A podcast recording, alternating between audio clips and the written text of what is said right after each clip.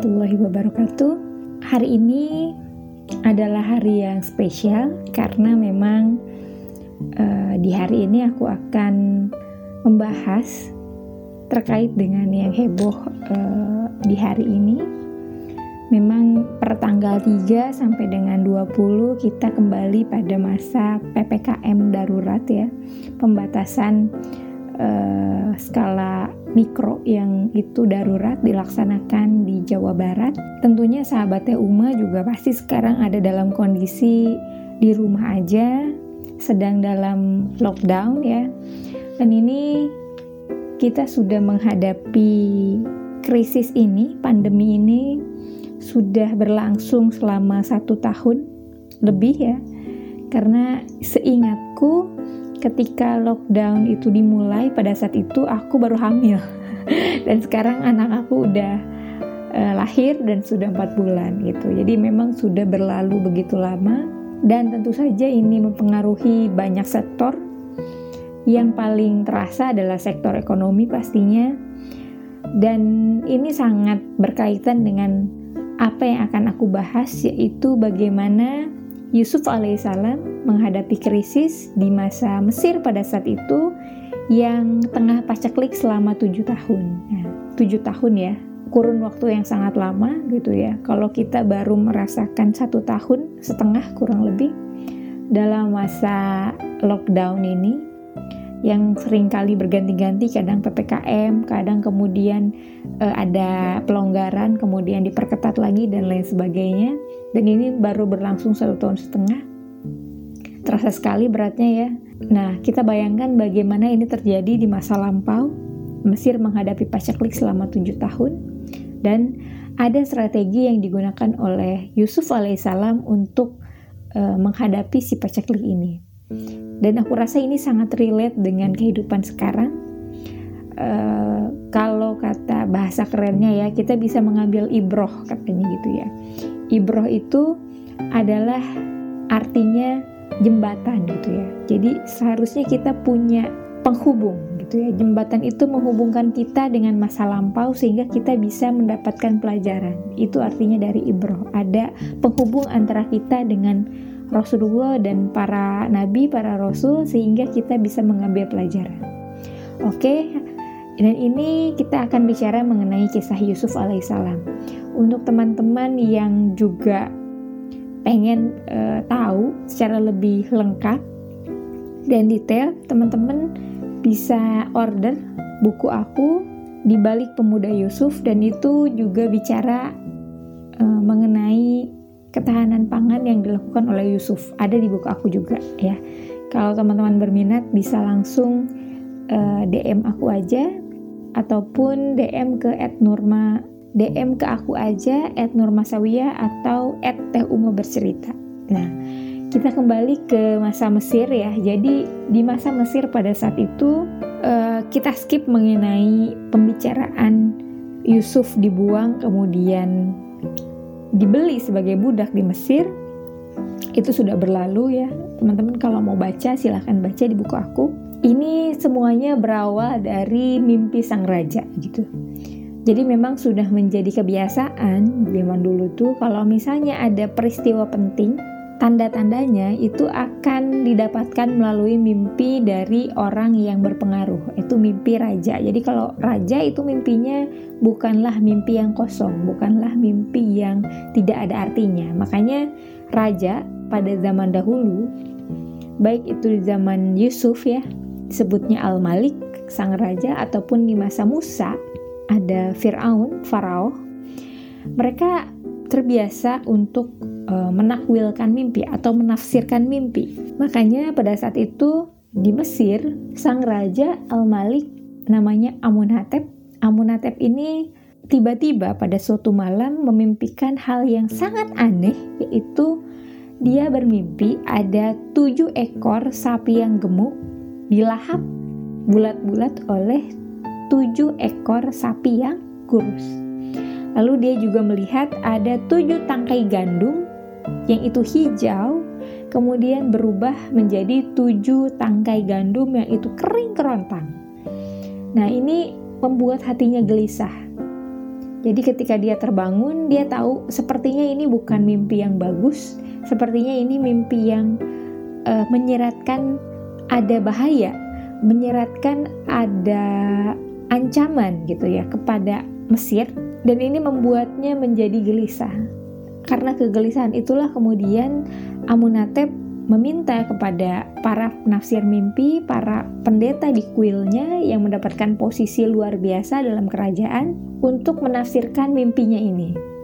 Namun sayang sekali pada saat itu para pendeta di kuil yang memang tidak sepenuhnya adalah seorang penafsir, jadi memang secara pengetahuan terbatas karena memang ilmu tafsir mimpi itu adalah ilmu tingkat tinggi hanya didapatkan oleh orang-orang yang soleh.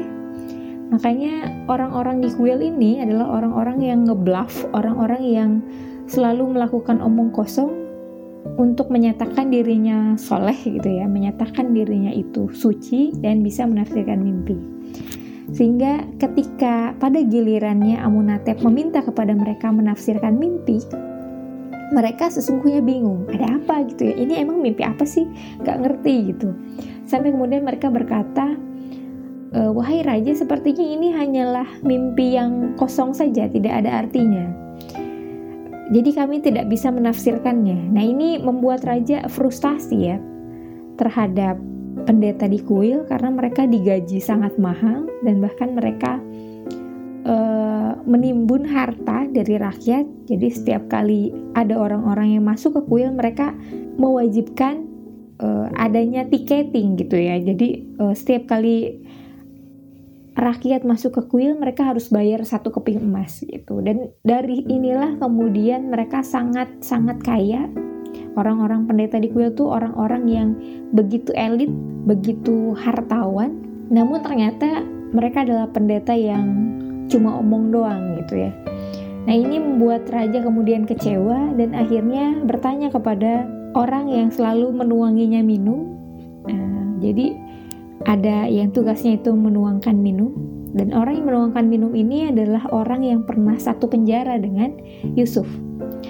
Nah orang yang menuangkan minum ini kemudian teringat bahwa oh dia mengenal sosok yang itu bisa menafsirkan mimpi dengan begitu jitu dengan begitu persis gitu ya, dengan presisi yang luar biasa akurat.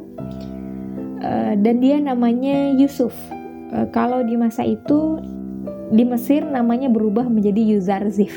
Nah, Yuzarzif atau Yusuf ini mengenal si pria yang menuangkan minuman ini dan pernah menafsirkan si mimpinya gitu. Sehingga orang yang menuangkan minuman ini tahu bahwa Yusuflah yang pintar dalam menafsirkan mimpi, sehingga dia kemudian berbicara kepada sang raja, "Wahai raja Amunatep, sesungguhnya aku tahu ada orang yang bijaksana yang bisa menafsirkan mimpimu. Namun dia ada di penjara, penjara Zewiya namanya. Zewiya ini adalah penjara yang dihuni oleh orang-orang yang memiliki kasus kejahatan berat. Jadi orang-orang yang secara politik berbahaya begitu. Uh, makanya orang-orang di penjara Dewiyah bukanlah orang-orang sembarangan, bukan orang-orang kelas teri lah gitu ya, bukan bukan yang itu maling ayam terus dimasukin situ gitu, bukan. Makanya kemudian raja tertarik, oh ada orang yang terjeblos di penjara Dewiyah ya, gitu ya. Lalu katanya dia bisa menafsirkan mimpi. Baiklah kalau begitu silahkan pergi ke penjara Zewia dan minta dia untuk menafsirkan mimpiku, begitu kata raja. Akhirnya si orang ini pergi kembali ke penjara Zewia bertemu dengan Yusuf atau Yuzarzif. Kemudian dia berkata, "Wahai Yusuf, raja dapat mimpi gini gini gini gitu ya. Menurut kamu ini artinya apa?" Yusuf pada saat itu kemudian berkata, "Sampaikan kepada raja bahwa Mesir itu akan mengalami tujuh tahun yang itu penuh dengan subur gitu ya. Tujuh tahun yang begitu berlimpah. Makanya diibaratkan itu ada sapi yang gemuk sama gandum yang sehat.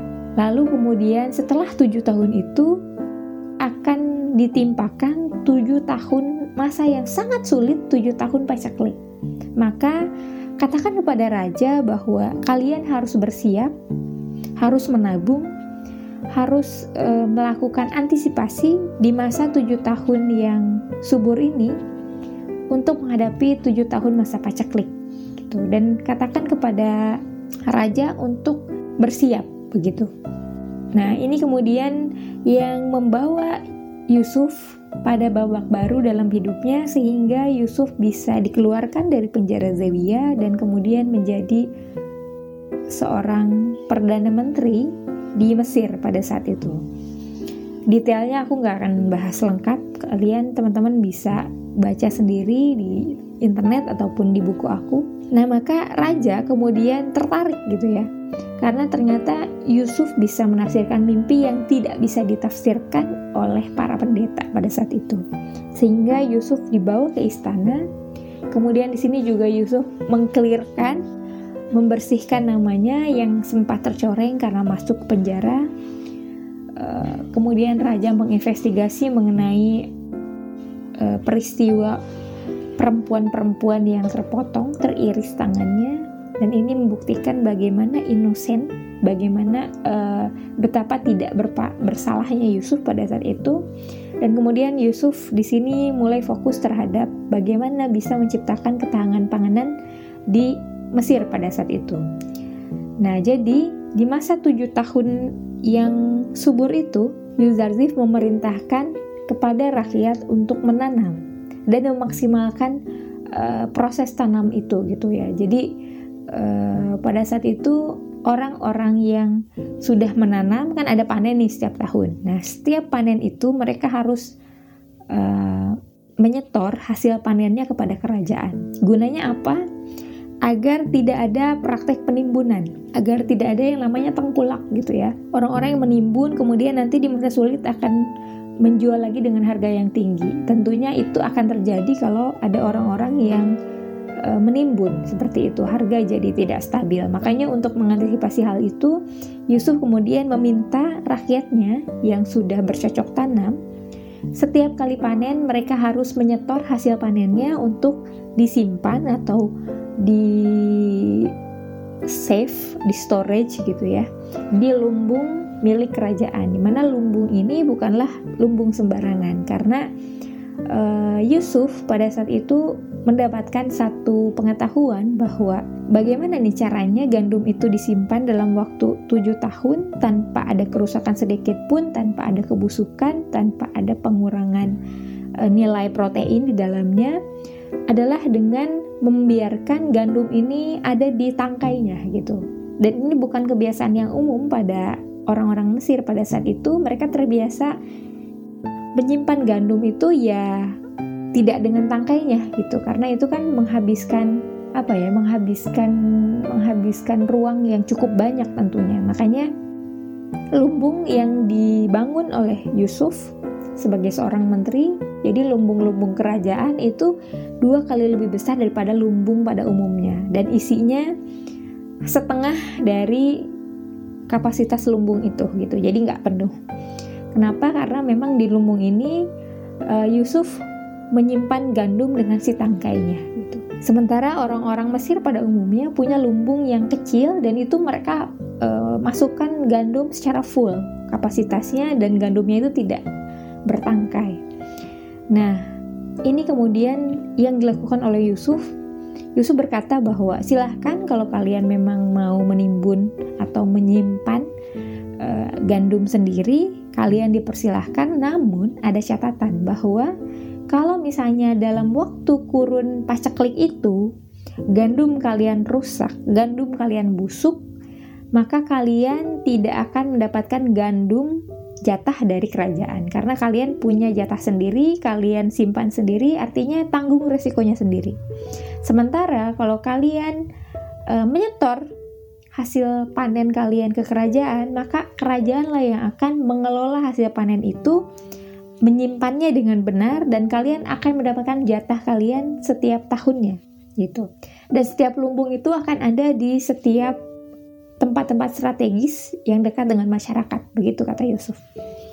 Nah, ini yang kemudian e, membuat rakyat Mesir akhirnya yang awalnya berniat untuk menyimpan gandum sendiri dan menimbunnya ya, apalagi saudagar-saudagar yang kaya ya tentunya mereka punya kapasitas untuk melakukan itu mereka mengurungkan niatnya dan akhirnya menyetorkan hasil gandumnya pada kerajaan gitu jadi ini untuk meminimalisir atau mengantisipasi adanya lonjakan uh, harga jadi biar harganya tetap stabil begitu ketika nanti di masa pacaklik.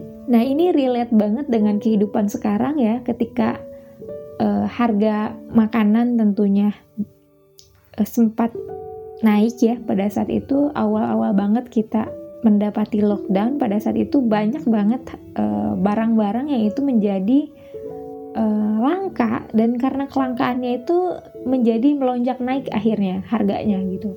Dulu inget banget ketika uh, ada panik buying ya banyak orang yang panik buying uh, yang membeli berdus-dus Indomie kemudian membeli berdus-dus masker medis kemudian membeli multivitamin apa dan lain sebagainya aku inget banget dulu tuh sampai susah banget nyari panadol aja ya paracetamol aja sampai susah banget gitu karena banyak orang yang membeli secara sembrono gitu. Nah ini sebenarnya bisa di apa ya bisa ditangani kalau misalnya kita uh, tidak ada upaya untuk menimbun gitu. Artinya kita harusnya gitu ya bisa membeli secara berkala biasa aja gitu. Kita punya stok tapi nggak usah lebay, nggak usah banyak gitu. Karena itu akan menimbulkan kelangkaan barang dan justru akan membuat barang itu melambung naik gitu syukur-syukur kalau misalnya orangnya bisa uh, punya kelebihan harta berkecukupan syukur-syukur bisa beli gitu tapi kalau misalnya enggak gitu kan. Kasihan orang-orang yang memang kesehariannya aja susah. Tentunya ini tidak menguntungkan sangat merugikan sekali di masa seperti ini gitu. Jadi uh, tentunya kita seharusnya bisa belajar dari kisah ini bahwa kita harus punya sisi humanis sisi manusiawi di mana kita sama-sama berperang melawan pandemi ini.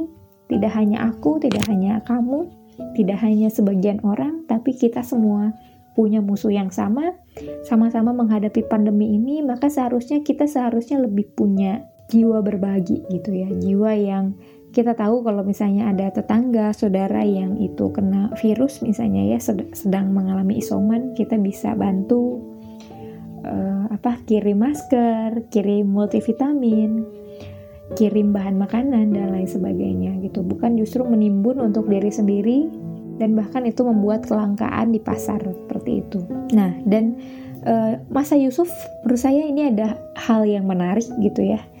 Uh, Yusuf pada saat itu melakukan satu kebijakan yaitu ketika si gandum ini kemudian di storage ya, disimpan di lumbung, Kemudian setiap tahunnya orang boleh mengakses lumbung ini dan mereka e, membeli dengan harga yang murah ya gitu. Jadi harganya rasional, e, rasional dan stabil. Orang-orang biasa yang itu menengah ke bawah mereka dikenai harga misalnya satu gitu ya.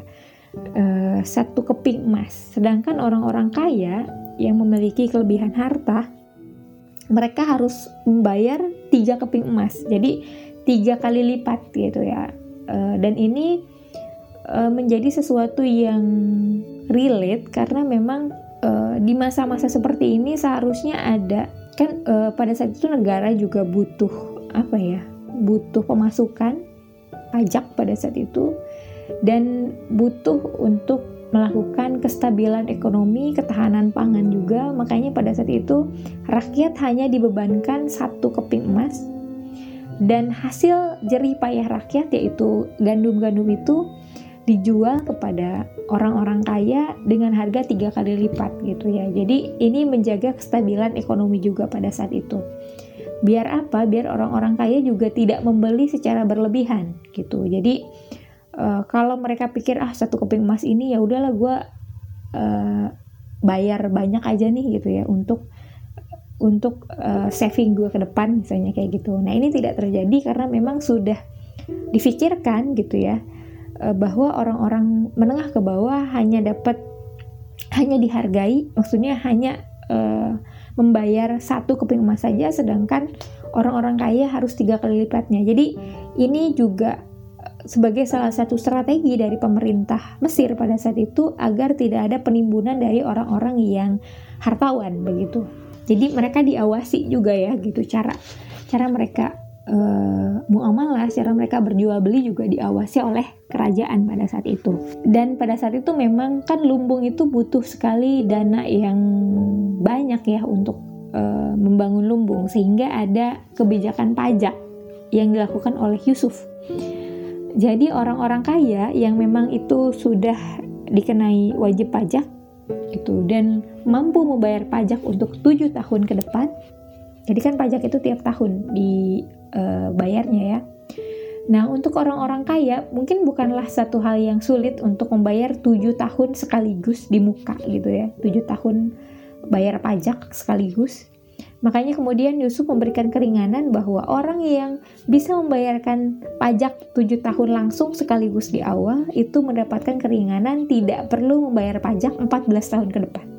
Nah tentunya ini menggiurkan sehingga orang-orang Mesir pada saat itu kemudian memilih untuk ya udah sekarang gue bayar aja nih gitu ya. Pajaknya 7 tahun sekarang langsung aja gue bayar biar apa? Biar dapat bebas pajak 14 tahun ke depan.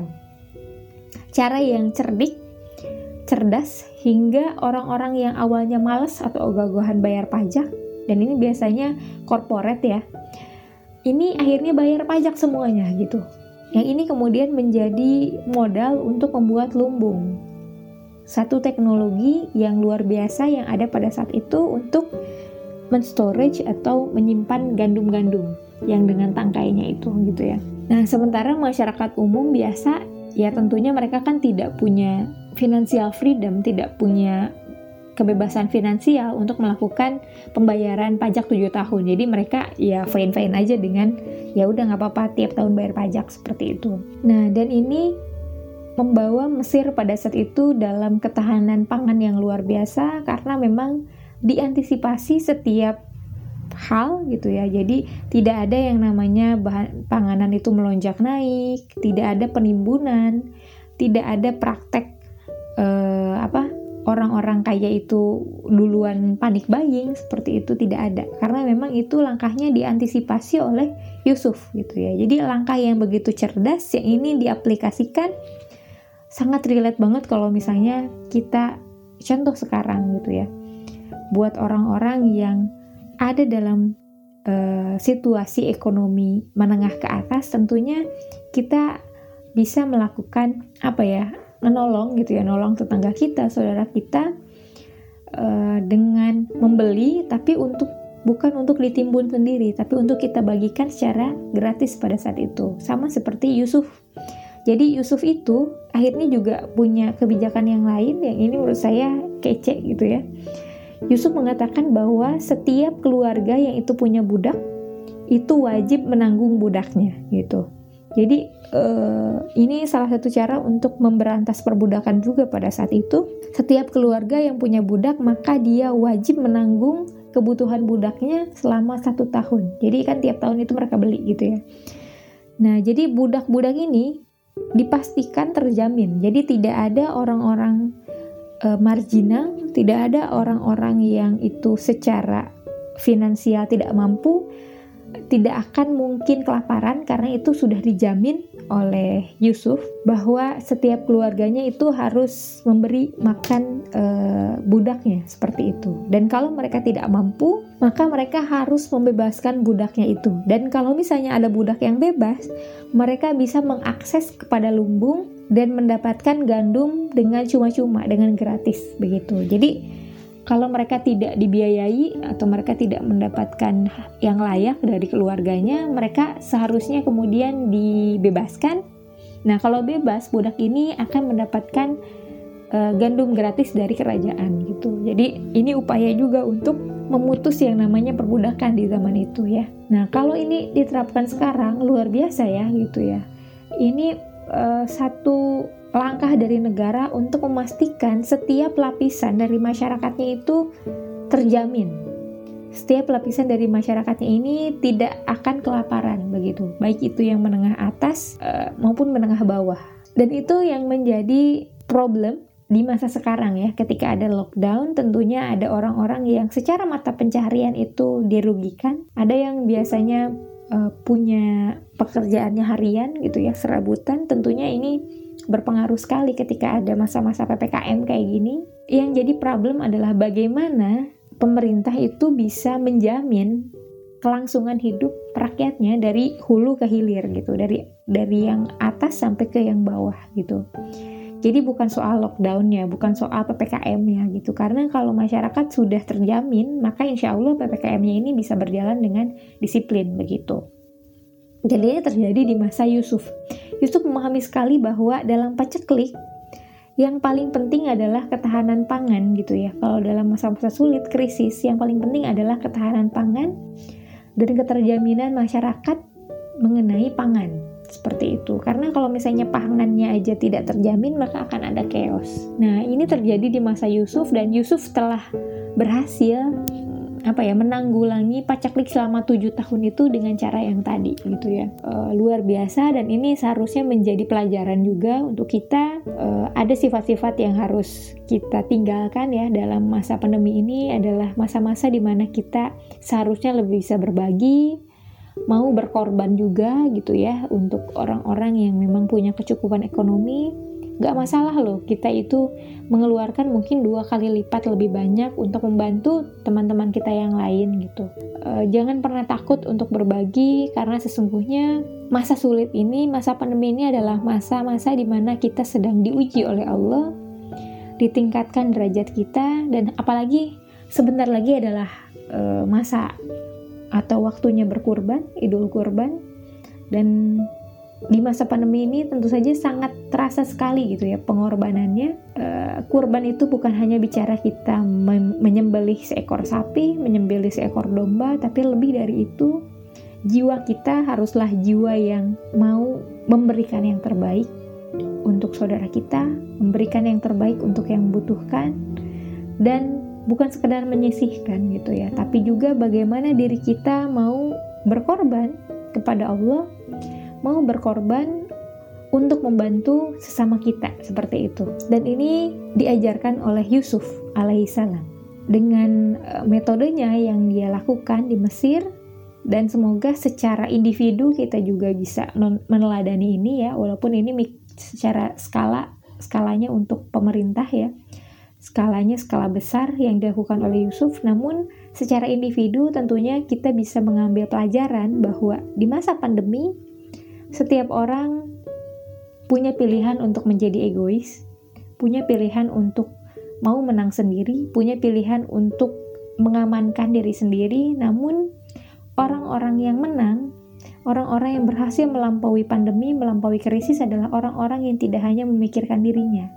Dia tidak egois, dia juga memikirkan orang lain, dia mau berkorban, dia mau membantu, dan dia punya jiwa penolong gitu ya. Semoga kita adalah orang-orang yang seperti itu, apalagi mendekati Idul Kurban.